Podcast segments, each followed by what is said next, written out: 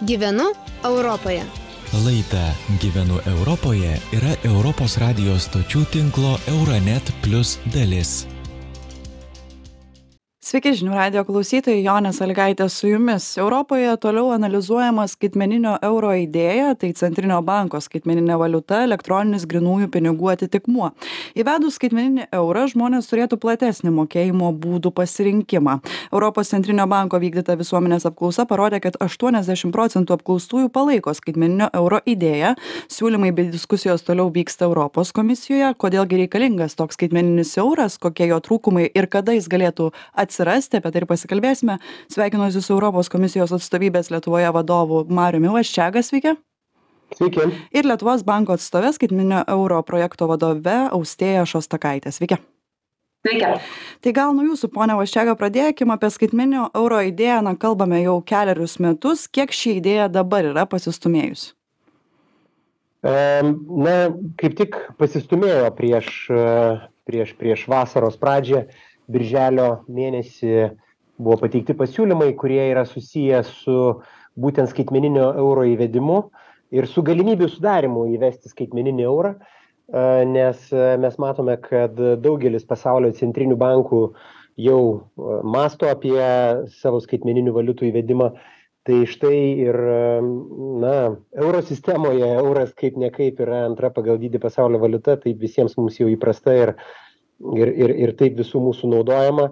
Ir išties turime taip pat ieškoti galimybių turėti ir ir skaitmeninį e, eurą. Aišku nepamiršdami beje turiu pabrėžti nepamiršdami ir apie galimybes atsiskaityti grynaisiais nes kartu su skaitmeninio euro pasiūlymu buvo taip pat pateiktas ir kitas pasiūlymas kuris nemažiau svarbus e, kai kurioms visuomenės grupėms tai yra su na grynųjų naudojimu ir galimybėmis ir toliau jas naudoti žodžiu kad nebūtų apribotos galimybės e, vystant e, skaitmenines atsiskaitymas e, kad nebūtų apribotos galimybės naudotis grynaisiais. Pone Šostakaitė, kiek tenka kalbėtis na, su žmonėmis apie tą skaitmeninį eurą, tai daugelis nesupranta, na, kuo iš čia tada skiriasi nuo tų atsiskaitimų kortelė, pavyzdžiui, kavinėse, restoranuose arba nuo tos pačios elektroninės bankininkystės. Kur čia yra pagrindinis na, skirtumas nuo, nuo to skaitmeninio euro? Šiaip geras klausimas ir dažniausiai nuo to mes ir pradedam visus savo pristatymus, kuo tai skiriasi ir, ir, ir kas čia per naujovę ir, ir ką čia bando tas centrinis bankas į, įvesti. Tai vis dėlto gal pradėčiau nuo to, kad na, tai būtų viešoji paslauga visiems ir tai būtų nemokami atsiskaitimai visiems tai čia turbūt toks pagrindinis momentas kuo tai skirtųsi na nuo tų privačiųjų paslaugų kurias turim turbūt dauguma dabar skaitmeniniai atsiskaitymai jie yra dažniausiai teikiami privačių subjektų privačių įstaigų ir ir žmogus renkasi kur nori turėti tas paslaugas kur nori turėti kortelę aplikaciją tą pačią internetinę bankininkystę. Na tai pasirinkimas yra platus bet yra įkainiai ir ir žmonės naudojasi pagrinde vat privačiomis tomis priemonėmis tie kurie nori skaitmeninių atsiskaitymų žinoma viešoji alternatyva yra grynieji na bet šioje mūsų šiandieninėje kasdienybėje grynieji nebetampa tokie patogūs. Ir reikia skaitmeninės alternatyvos ir ta skaitmeninė alternatyva ir galėtų būti skaitmeninis euras. Tai būtų paslauga kurią teiktų vat centrinis bankas kaip viešoji institucija ir į tą paslaugą galėtų turėti kiekvienas. Na mes stengiamės kad prieiga prie tos paslaugos būtų paprasta aiški na ir žodžiu būtų įtraukti visi ir galėtų juo pasinaudoti kiekvienas kaip suprantu tiek komisijai tiek ir centriniam bankui yra labai svarbu įsivertinti ir rizikas kurias gali sukelti skaitmeninis euras. Kokie gali būt na to skaitmeninio euro trūkumai? Nes čia dalis ekspertų pavyzdžiui bijo kad gali būti taip kad žmonės staigiai išsiims pa pinigus iš komercinių bankų ir juos susikels į centrinį banką tai gali tokį sukurti labai staigų pinigų judėjimą. Nu kaip žinome tai visą laiką yra ir tam tikra rizika. Tai pone vaščega kas čia yra žinoma ir kiek tos rizikos jau yra įvertintos tai tikrai e, kažkokių tai rizikų finansų sistemai nenorime sukurti dėl to ir ir pats darbas jisai vyksta na ne kažkaip izoliacijoje o kartu su europos centriniu banku kitais e, sąjungos kitų šalių centriniais bankais tam kad kad iš tikrųjų nepaskatinti kažkokio tai bėgimo iš bankų ar ar ar ar kažkokių kitokių e, panašių procesų. Tai aš manau kad na pavyks užtikrinti kad kad to neįvyktų o kalbant apskritai apie rizikas patiems na, naudotojams, tai ir tikslas to skaitmeninio euro yra, kad tų rizikų būtų kiek įmanoma mažiau. Tai vienas iš privalumų jau įvardintas pašnekovės yra ten, tarkim, pačios paslaugos paprastumas ar jos pigumas, bet kita rizika yra susijusi su asmens duomenimis ir, ir tam tikrų apribotų skaičių asmens duomenų, kurie bus žinomi na, tiems, toms institucijoms, kurios tuos mokėjimus vykdys. Štai pavyzdžiui, skaitmeninio euro vienas iš, iš, iš tokio pasiūlymų kertinių dalykų yra susijęs su taip pat galimybės atsiskaityti, kai nėra interneto, nėra prisijungimo prie interneto. Ir nesant prisijungimo prie interneto, iš tiesų duomenų, perduodamų duomenų skaičius bus minimizuotas tiek, kad jį iš principo galėtumėme prilyginti atsiskaitimui grinaisiais. E, tai E, štai to, tokia vat yra idėja, su, tokiu būdu sumažinant, na, kažkokias tai e, duomenų vagysčių galimybės, taip pat e, ten tų duomenų kažkokio neteisėto panaudojimo galimybės ir panašiai kalbant apie tuos neteisėtus panaudojimus tai čia turbūt yra dar vienas klausimas ponia šostakaite kalbant apie tas rizikas kai kalbam apie skaitmenines valiutas visuomet na yra pastebėjimai kad taip gali būti palengvinamas kelias pavyzdžiui atsiskaityti už kažkokius tai nelegalius dalykus. Ar su skaitmeniniu euru čia gali būt tokių problemų ar ne?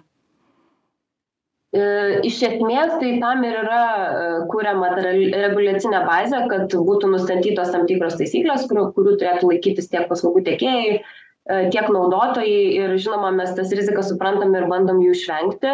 E, vienas variantas galbūt gali būti vat, su tuo atsiskaitimu, neturint ryšio, kuomet na, privatumas būtų didesnis visgi, bet uh, turim suprasti, kad na, tie pinigai jie vis tiek priklauso asmeniui, ar ne, ir tas asmuo jisai identifikuosis, kai jisai gaus tą kortelę, kad ir jinai būtų naudojama neturint ryšio, tai tam tikra informacija ir tam tikras atsakomumas gali būti. Ir na, E, kilus tam tikrai e, rizikai ar kažkokiam tai įvykiui, tai atsakingos institucijos galėtų atsekti ir, ir, ir surasti tuos e, neteisėtai naudojamus eurus ar, ar kažkaip kitaip ten padirbinėjant juos ar panašiai. Na tai yra galimybė kažkaip tai atsekti, bet proaktyviai, ta prasme, informacija nebus renkama. Tai yra tam tikrų rizikų, bet yra ir iš karto galvojama, kaip tas rizikas na minimizuoti arba kaip kovoti su, su, su įvairiais nusikaltimais ir panašiai. Dar šiek tiek kalbant apie tuos, na, tą naudą, kurią skaitmeninis euras